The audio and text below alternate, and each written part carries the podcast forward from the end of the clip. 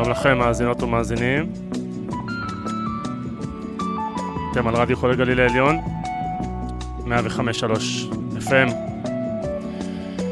תוכנית מי ישמע? אני חיים אגמי.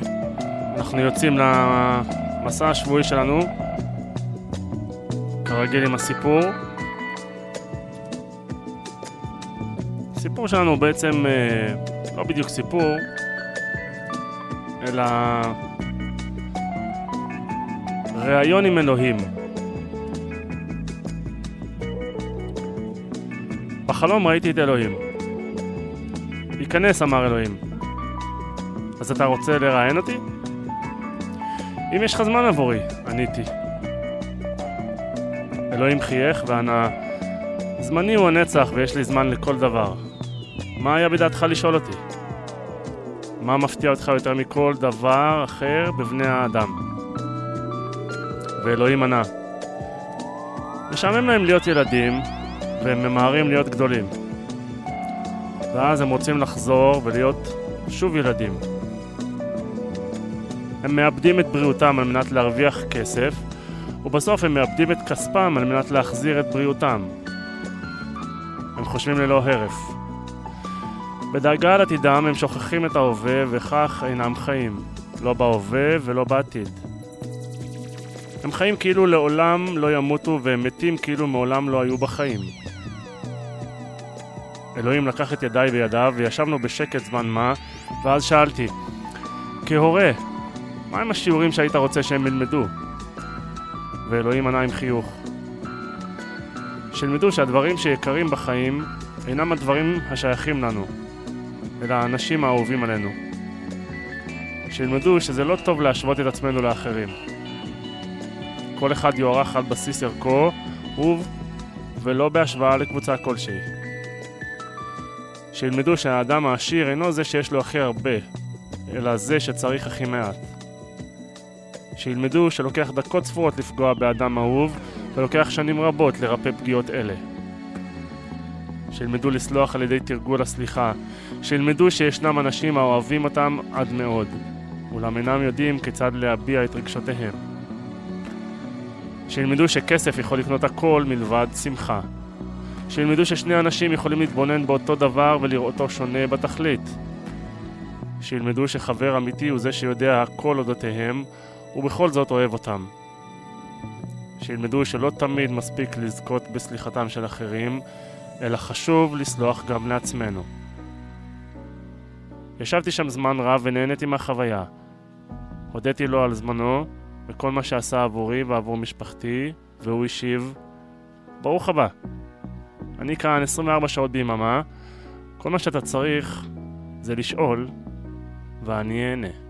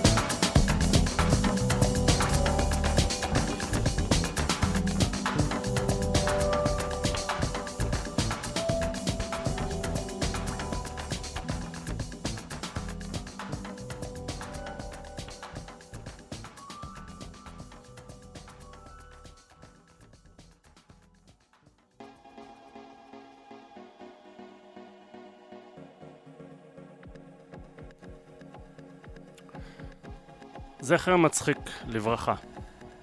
יאיר ניצני. השבוע הלך לעולמו אחד הקומיקאים הגדולים בהיסטוריה, ג'קי מייסון. יהודי שנולד בשם יעקב משה הכהן והוסמך כרב. הוא היה חצוף וחווה פרובוקציות גדול, וכמו קומיקאים רבים לפניו, היטיב להביט על החיים באמריקה בעין ביקורתית, עם גוון ומבטא יהודי כבד, וגם הסתבך לא פעם בעניינים של פוליטיקלי קורקט. חיקוי שלו מלפני 50 שנה של מי שאירח אותו בקביעות בתוכניתו, אד סליבן, הוא אחד החיקויים המעולים שראיתי. מומלץ בחום למי שמכיר את שפת הגוף של סליבן, שאף פיטר אותו בסופו של דבר. ראיתי את מייסון לפני הרבה שנים בהופעת יחיד ששמה The World According to Me, והיא חקוקה בליבי עד היום כחוויה חזקה ומצחיקה מאוד. על אסטרונאוטים הוא אמר, אני לא מבין למה עושים מהם כזה עניין גדול. יש אנשים שהגיעו להישגים הרבה יותר גדולים מהם ולא עושים מזה עניין. אינסטלטורים למשל. אני חושב שאינסטלטורים הרבה יותר חשובים מהם. אם לא היו כאן אינסטלטורים, כולנו היינו צריכים להיות אסטרונאוטים. בריאיון עם רות וסטהיימר, שאמרה לו שהיא קלטה אותו מתחיל עם בחורות בהפקה, ענה מייסון, אם הייתי מפלרטט עם השולחן או הכיסא או מחבק עץ, היית חושבת שמשהו אצלי לא בסדר. הסטנדאפ שלו משנות ה-60 על דירות יוקרה נשמע כאילו נכתב היום. עכשיו, כשאני מצליח, עברתי מהחור שגרתי בו לדירת יוקרה. מאז אני לא יכול לצאת מהבית. במחיר שאני משלם, חבל לי על כל רגע שאני לא בדירה. יש לי מוזיקה במעלית, ואני גר בקומה ראשונה. כמה מוזיקה כבר אני יכול לשמוע עד שאגיע הביתה? למה שאני אשלם כמו הבחור מהקומה העליונה? אז אתם יודעים מה אני עושה? אני עולה ויורד במעלית כל יום ומקשיב למוזיקה. פעם הייתי לוקח בחורה למועדון לילה וזה היה עולה לי הון, עכשיו אני מזמין אותה למעלית. יש בבניין גם שוער, 24 שעות ביממה. כשאני בסך הכל נכנס ויוצא מהבניין פעם או פעמיים ביום, לדקה. חוץ מזה, הוא בן 80, ואני מרגיש לא נוח שהוא יפתח לי את הדלת. אז אני פותח לו את הדלת. הלובי בבניין החדש גם מאוד מרשים. יורדים שם מים מהתקרה. גם בדירה העלובה הקודמת שלי ירדו מים מהתקרה. בדירה החדשה אני משלם על חשמל, אבל לא על הגז. כשאני בא הביתה אני לא מדליק את החשמל, רק את הגז. גם האשפה בבנייני יוקרה זה קטע. בדירה הקודמת זרקתי את הזבל מהחלון. בבניין החדש זה בלתי אפשרי. יש מתקן זבל בקומה עם המון איסורים. אסור זבל שומני, אסור בקבוקים שבורים. בסוף יוצא שאני יכול לזרוק הכל, אבל לא את הזבל. אז כל הזבל נשאר אצלי בדירה.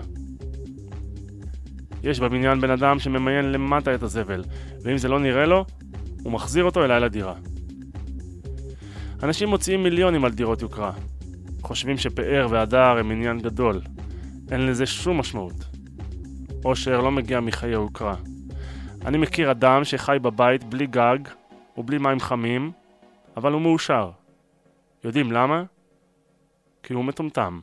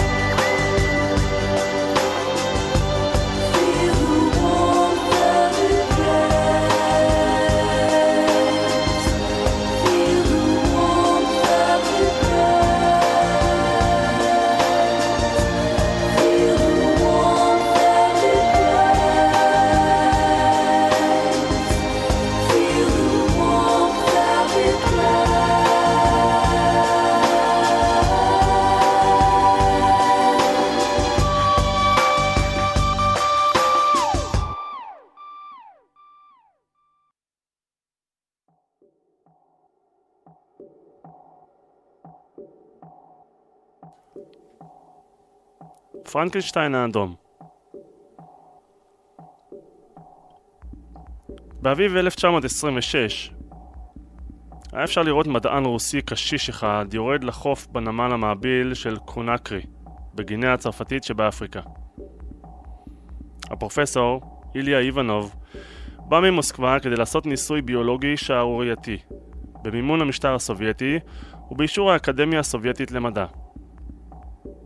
איוונוב קיווה לברוא יצור כלאיים מוזר, מין קוף אנושי, באמצעות הזרעה מלאכותית. הוא ידע שאם תצלח תוכניתו הוא עתיד להירשם בהיסטוריה כאחד מגדולי המדענים של כל הזמנים. בנוסף לכך, הוא יזכה בהערצתו של יוזף סטלין. הייתה לו סיבה טובה לעשות את הניסוי בגינאה הצרפתית. מכון פסטר בפריז הציע לו גישה חופשית לשימפנזים במתקן של המכון בעיר קינדאיה. אבל לאיוונוב הייתה עוד סיבה לנסוע לאפריקה, סיבה ששמר בליבו. נוסף על הזרעת נקבות שימפנזים, קיווה להזריע נשים מקומיות מגינאה בזרע של קופים. הרעיון לגדל מין יצור כלאיים של קוף ואדם הילך קסם על איוונוב זה שנים רבות.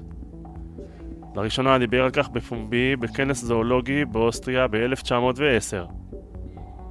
הוא גם הרבה לעשות ניסויים בבעלי חיים, ובין השאר הכין מיצוי של בלוטות המין של סוסים כדי ליצור סוסי על להרבעה. האפשרויות הטמונות בהזרעה המלאכותית העסיקו אותו יותר ויותר עד שהחל לחקות את אלוהים וטיפח כמה מיני כלאיים מוזרים שמעולם לא נראו קודם לכן. הוא טיפח זידונק, החלאה של זברה וחמור, זוברון, החלאה של תאו ופרה, ועוד החלאות רבות מספור של ארנבים, חולדות ועכברים. בראשית שנות ה-20 של המאה ה-20 היה איוונוב משוכנע שתאי הדם של האדם דומים כל כך לאלה של השימפנזה, הגורילה והאורנגוטן, עד שאפשר ליצור גם מין כלאיים של קוף ואדם. נסיעתו הראשונה של איוונוב לגינאה הסתיימה בכישלון. אף אחד מן השימפנזים לא היה בוגר די הצורך להתרבות. הוא חזר לפריז והמשיך במחקרו לצידו של המנתח הידוע לשמצה סרג' וורונוף, שהשתיל בהצלחה רקמה של אשכי קוף בבני אדם מזדקנים בניסיון להשיב להם את הון הנעורים שלהם. שני המדענים לא הטילו שום ספק במוסריותם של הניתוחים הללו, והוסיפו לרקוח בדמיונם עוד ועוד ניסויים מוזרים. בקיץ הארוך של 1926 עלה בינם להשתיל רחם של אישה בגופה של שימפנזה ששמה נובה. אחר כך הזריעו את נובה בזרע אנושי מתורם אלמוני, אבל הקופה לא הרתה למרות כל מאמציהם. בנובמבר חזר איוונוב לקונקרי ושילם למקומיים כדי שילכדו כמה שימפנזים בוגרים. הוא היה להוט להשיג תוצאות, ולאחר מאמצים רבים הצליח להזריע שלוש נקבות. אבל הוא היה משוכנע שיצליח הרבה יותר אם יעשה ניסויים בבני אדם ויעבר נשים אפריקניות בזרע של שימפנזים. עד מהרה התברר לו שלנשים המקומיות אין שום חשק להשתתף בניסוי המפלצתי שלו. לכן החליט החלטה רבת חשיבות. להתחיל להזריע אותן שלא בידיעתן, בזמן ביצוע בדיקות גינקולוגיות שגרתיות. המושל הכללי של גינאה הצרפתית פול פוארה, נחרד כשנודעו לו כוונותיו של איוונוב. הוא דחה את התוכנית מכל וכל עוד לפני שהחל איוונוב בעבודתו, והבהיר שלעולם לא יאשר התנהגות לא מוסרית שכזאת. איוונוב נחל אכזבה מרה. המושל הכללי הנחית מכה קשה על הניסוי שלו. עוד מכשול צץ כשהתברר ששלוש נקבות השימפנזים שלו לא התעברו. זמן קצר לאחר מכן עזב הפרופסור הרוסי המאוכזב את גינאה לצמיתות. הוא לקח עמו 20 שימפנזים כדי להקים מעבדת קופים חדשה ברפובליקה הסובייטית אבחזיה. רק ארבעה שימפנזים שרדו בתום המסע, אבל אל אלה הצטרפה עד מהרה תגבורת שכללה עוד שישה שימפנזים, חמישה אורנגוטנים ועשרים בבונים. את כולם סיפקה החברה הגרמנית רואה. למרבה הפליאה, הצליח איוונוב לשכנע חמש נשים סובייטיות להתנדב ולנסות להתעבר מזרע של קופים. אף על פי שאיש לא ידע כלל באילו סיכונים לבריאותן כרוך הניסוי הזה. אבל עד שהיה הפרופסור מוכן להתחיל בניסוי, מתו כל השימפנזים והבבונים. הניצול היחיד שהיה פעיל מינית היה הזכר מבוגר של אורנגוטן ששמו טרזן. ושוב התערעל הגורל בעבודתו של איוונוב, טרזן לקה בשטף דם במוח ומת גם הוא. האורנגוטן מת ואנחנו מחפשים לו מחליף, כתב איוונוב המדוכדך במברק לנשים המתנדבות. בעת ההיא כבר דלפה אל העיתונות תוכניתו המקורית להזריע נשים אפריקניות שלא בידיעתן. האקדמיה הסובייטית למדעים גינתה אותו וביטלה מיד את מימון הניסוי. אחר כך התעוררה גם מורת רוחו של סטלין, לאחר שמדענים שכנעו אותו שמחקר גנטי הוא עניין בורגני ואימפריאליסטי. ב-13 בדצמבר 1930 עוצרה המשטרה החשאית של סטלין את איוונוב. הוא הואשם בהתנגדות למהפכה, הוגלה לקזחסטן, ושנתיים לאחר מכן לקה בשבץ ומת. למעלה מ-60 שנים נשכח הניסוי המוזר של איוונוב מלב, ורק בשנות ה-90 חזר וצץ מחדש בארכיונים הסיפור על ניסיונותיו לגדל מין כלאיים של אדם וקוף. העיתונות הרוסית מיהרה לכנותו פרנקנשטיין האדום. היו אפילו דיווחים שלא אומתו מעולם שסטלין עצמו הוא שהורה ליצור קוף אדם שיהיה לוחם על. עבודתו של איוונוב באה אל קיצה עם מותו ב-1932, אבל בכך לא הסתיים הסיפור. היבט אחד של עבודתו של הפרופסור מוסיף להתקיים עד היום. מעבדת הקופים שלו עדיין קיימת ברפובליקה של אבחזיה, והיא עכשיו חלק מן האקדמיה למדעים של אבחזיה, אם כי היא נאבקת בקשיי מימון כרוניים. בעקבות חילופי מדענים בשנות החמישים, נעשתה מעבדתו המוזרה של הפרופסור איוונוב, ובעצם גן החיות שלו, לדגם של התוכנית הארצית למרכזי חקר קופי אדם בארצות הברית.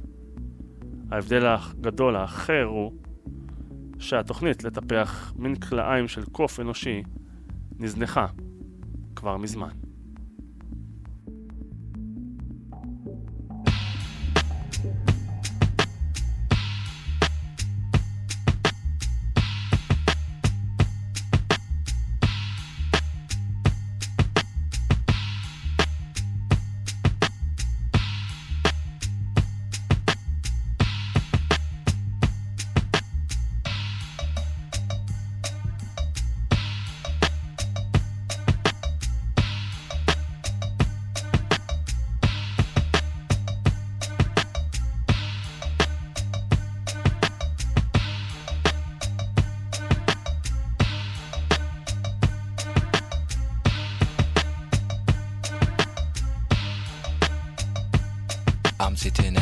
Coffee table, unable to see straight. Watching parallel lines unwind and undulate behind the rain streak window pane. The scene's bleak, another train leaving home, conceding defeat with a low moan.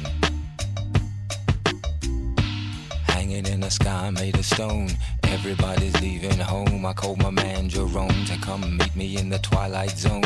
Leave your mobile phone at home and come alone.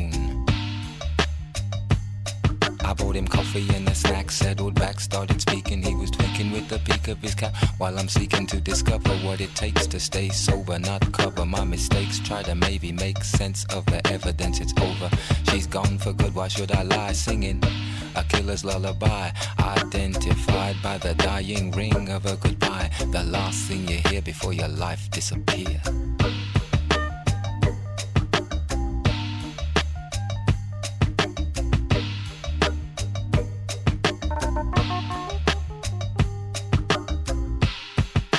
It just gets worse. Like my stomach will burst. Feel like I've been cursed with seven centuries of bitter memories, inadequacies, previous he's and she's. I'm moving around this old house for the last time. Seen of my past crimes. Been here for lifetimes. Hearing the chimes of the old clock that used to mock. You got eternity for taking stock. This place is like a padlock.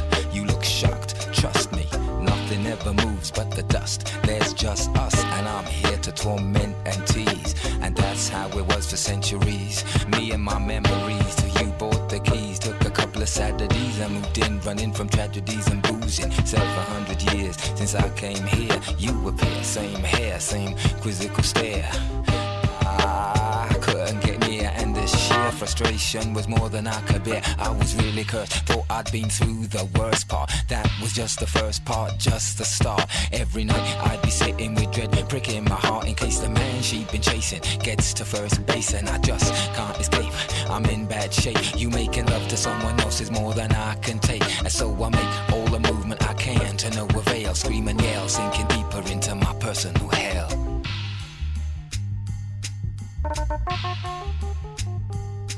I'm getting heated, I'm sorry. Have another coffee, I needed to release my sparrow chest from just a piece of this pressure. Unless an escape route is found. I'm going down underground into lifetimes of pain. It's absurd. The heaviest chain is contained in the sound of one word, so I'm referred back to hell. Just as well, I hate needles and get twinges at the thought of syringes.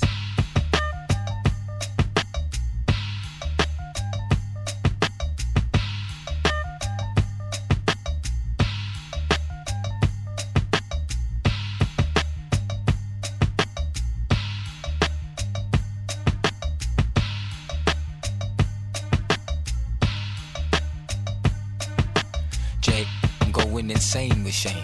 I dream I watch her making love over and over again with what I call a farmer's swain, unintelligent pea-brain retard whose dick is always hard. Oh God, of course I'm jealous, fellas over sex, flexing his pets. Jesus, what's he gonna make her do next? I'm mad vexed. The way she gently scratches his chest used to do that to me back in 1253. Pity me while you lie with your lover. I stare and suffer in despair while you ruffle his hair, unaware of who else is there.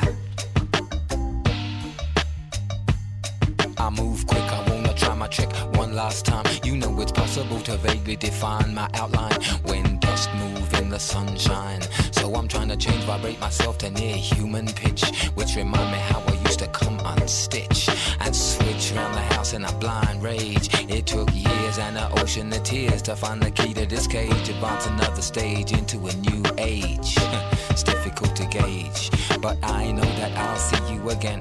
On that you may depend, I just don't know how or when. Sleep on my lost love, I'm gone. Lost love, I'm gone. Lost love,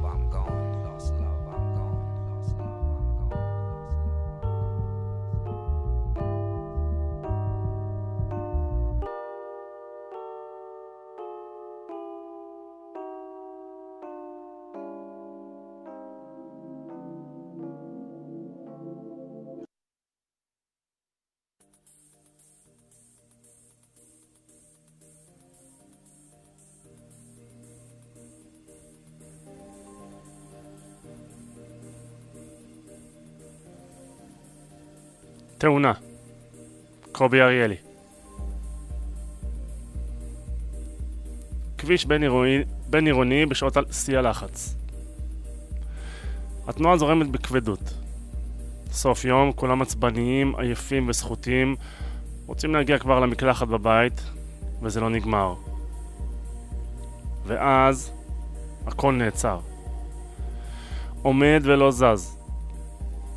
בדקות הראשונות נתקעות מכוניות בטווח של קילומטר. אחר כך זה כבר שלושה קילומטרים וחמישה, ולאט לאט נעצרת התנועה גם בכבישי הצד. בתוך רבע שעה נכנס חבל ארץ שלם לטרפת. בראש הטור שתי מכוניות, כחולה ואפורה. הן ניצבות בפוזה מוזרה קצת, כי זה כביש ראשי, והן עומדות כמעט דבוקות זו לזה וקצת באלכסון, משמע אירעה תאונה. אכן, אירעה תאונה. התנגשות קלה במהירות של פקק, פגוש אחד על הירחמו וכנף שכבר לא תעוף לעולם. וביניהן, בין שתי המכוניות, מתקיים לאיתו ובושופי, כאילו לא מדובר בכביש בין עירוני, כאילו לא משתרכות מכוניות מאחור, הטקס המקודש המכונה החלפת פרטים. תגיד לי, השתגעת? את לא רואה איך את נוסעת? מה, אתה דפוק? וצילום. פריים פתוח, פריים סגור, לאורך, לרוחב, ושוב עדכון של הפרטים. איך אמרת קוראים לסוכן הביטוח? יש לך טלפון שלו? ותראה, תראה מה זה, זה עקום לגמרי. טוב, תן לי גם את המספר האישי של הסוכן. ורגע, התייעצות טלפונית. מרחוק נשמע קול של אב זועם. שלא ירמה אותך, שלא יברח. קחי ממנו כל פרט אפשרי. אז עושים עוד צילום, ועוד מספר טלפון ליתר ביטחון. והפקק הולך ותופח, והעיר הולכת ומשתגעת, ואנשים צופרים בתזזית ומתקשרים לדחות מועדי פגישות ולדווח שהם מאחרים. לאט לאט הולכים ונערמים נזקים. זו מאחרת להחלפת משמרת, זה מאחר לרעיון עבודה, וזו שלפוחיתה מתפוצצת, והיא הרע, והילדים שלה לבד בבית, ושני אלה עומדים ומחליפים פרטים. וזה מטורף. בדיוק כאילו מישהו יעצור את הרכב שלו באמצע הכביש כדי לכתוב חשבונית דחופה שבלעדיה ייגרם לו ההפסד. זה עולה בדעתכם? למה אנחנו מקבלים בטבעיות שני אנשים שמתגוששים בעקבות תאונה קלה ובחוצפתם גורמים נזק ועוגמת נפש לאלפי בני אדם? למה האינטרס הקטן של היחיד גובר על האינטרס הציבורי של אלפים? לא צריך בשביל זה משטרה ולא חקיקה האנושיות הבסיסית צריכה במקרה הזה לקבוע כלל התנהגות שאומר נפגע פגושי בדרך שרבים משתמשים בה, אין לי הפריבילגיה לעצור ולבטח את עצמי. דבר ראשון, יורדים לשוליים. מי אתם שתנהלו את ענייניכם על חשבון הרבים? אחר כך חושמים מספר רכב, נוטלים במהירות מספר טלפון, מקללים בנימוס ונסים מהמקום. ואם חס ושלום נדרשים פינוי וגרירה, בצד. בצד. עם כמה שפחות עיכוב לרבים.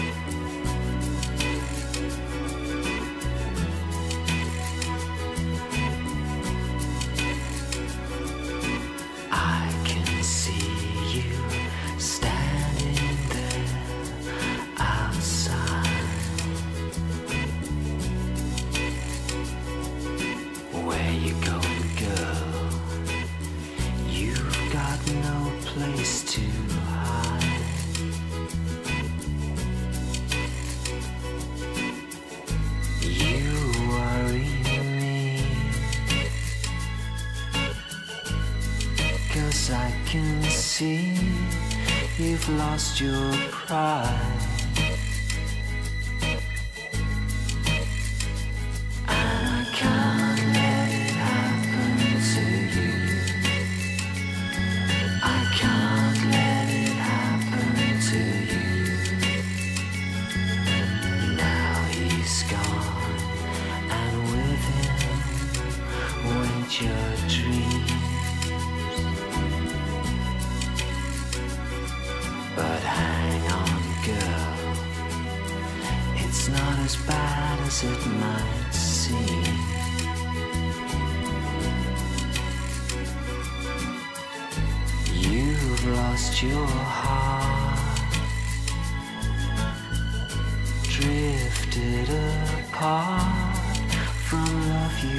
See.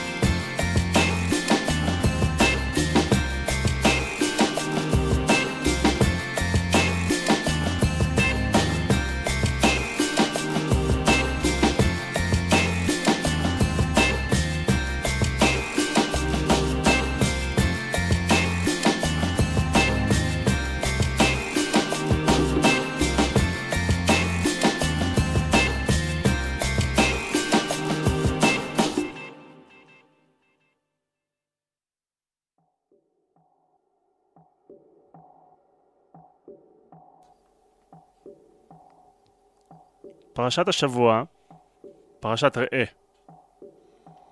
מגיעה בתזמון מושלם. בשבת יקראו בבתי הכנסת את הפסוק הפותח והמהדהד של הפרשה. ראה אנוכי נותן לפניכם היום ברכה וקללה. יש לנו יכולת בחירה חופשית בין טוב לרע, והיא ניתנת היום. כלומר, בכל יום מחדש. אפשר להכריע, אפשר לתקן, אפשר לבחור מסלול חיובי יותר, ומיד אחר כך מתחיל חודש אלול. חודש של חישוב מסלול מחדש. אנחנו לא, נותנים, לא נוחתים לתשרי, לראש השנה, אלא מקבלים סדנה של 30 ימי הכנה ותיקו, ותיקון. שמעתי פעם שבאלול צריך להפנות את תשומת הלב לשני כיוונים שבשאר השנה אנחנו מזניחים פנימה ולמעלה. פנימה, כי אפשר להשקיע את מירב האנרגיה בקיטורים על התקשורת או על המשטרה או על הפוליטיקה. לפעמים הביקורת גם מוצדקת, אבל זהו החודש לבדיקה פנימית, עצמית, במה שאנחנו עושים ולא רק הם. ולמעלה, בתפילה. שערי שמיים פתוחים תמיד, אבל החודש הזה נחשב זמן מיוחד. באלול יחלו גם הסליחות, לקראת התפילות הרבות והמשמעותיות בימי החגים. השבוע אמרו בקבינט הקורונה שתקווה היא לא תוכנית עבודה. זה נכון, אבל כל תוכנית עבודה צריך להוסיף גם תקווה, אמונה ואופטימיות. חודש טוב.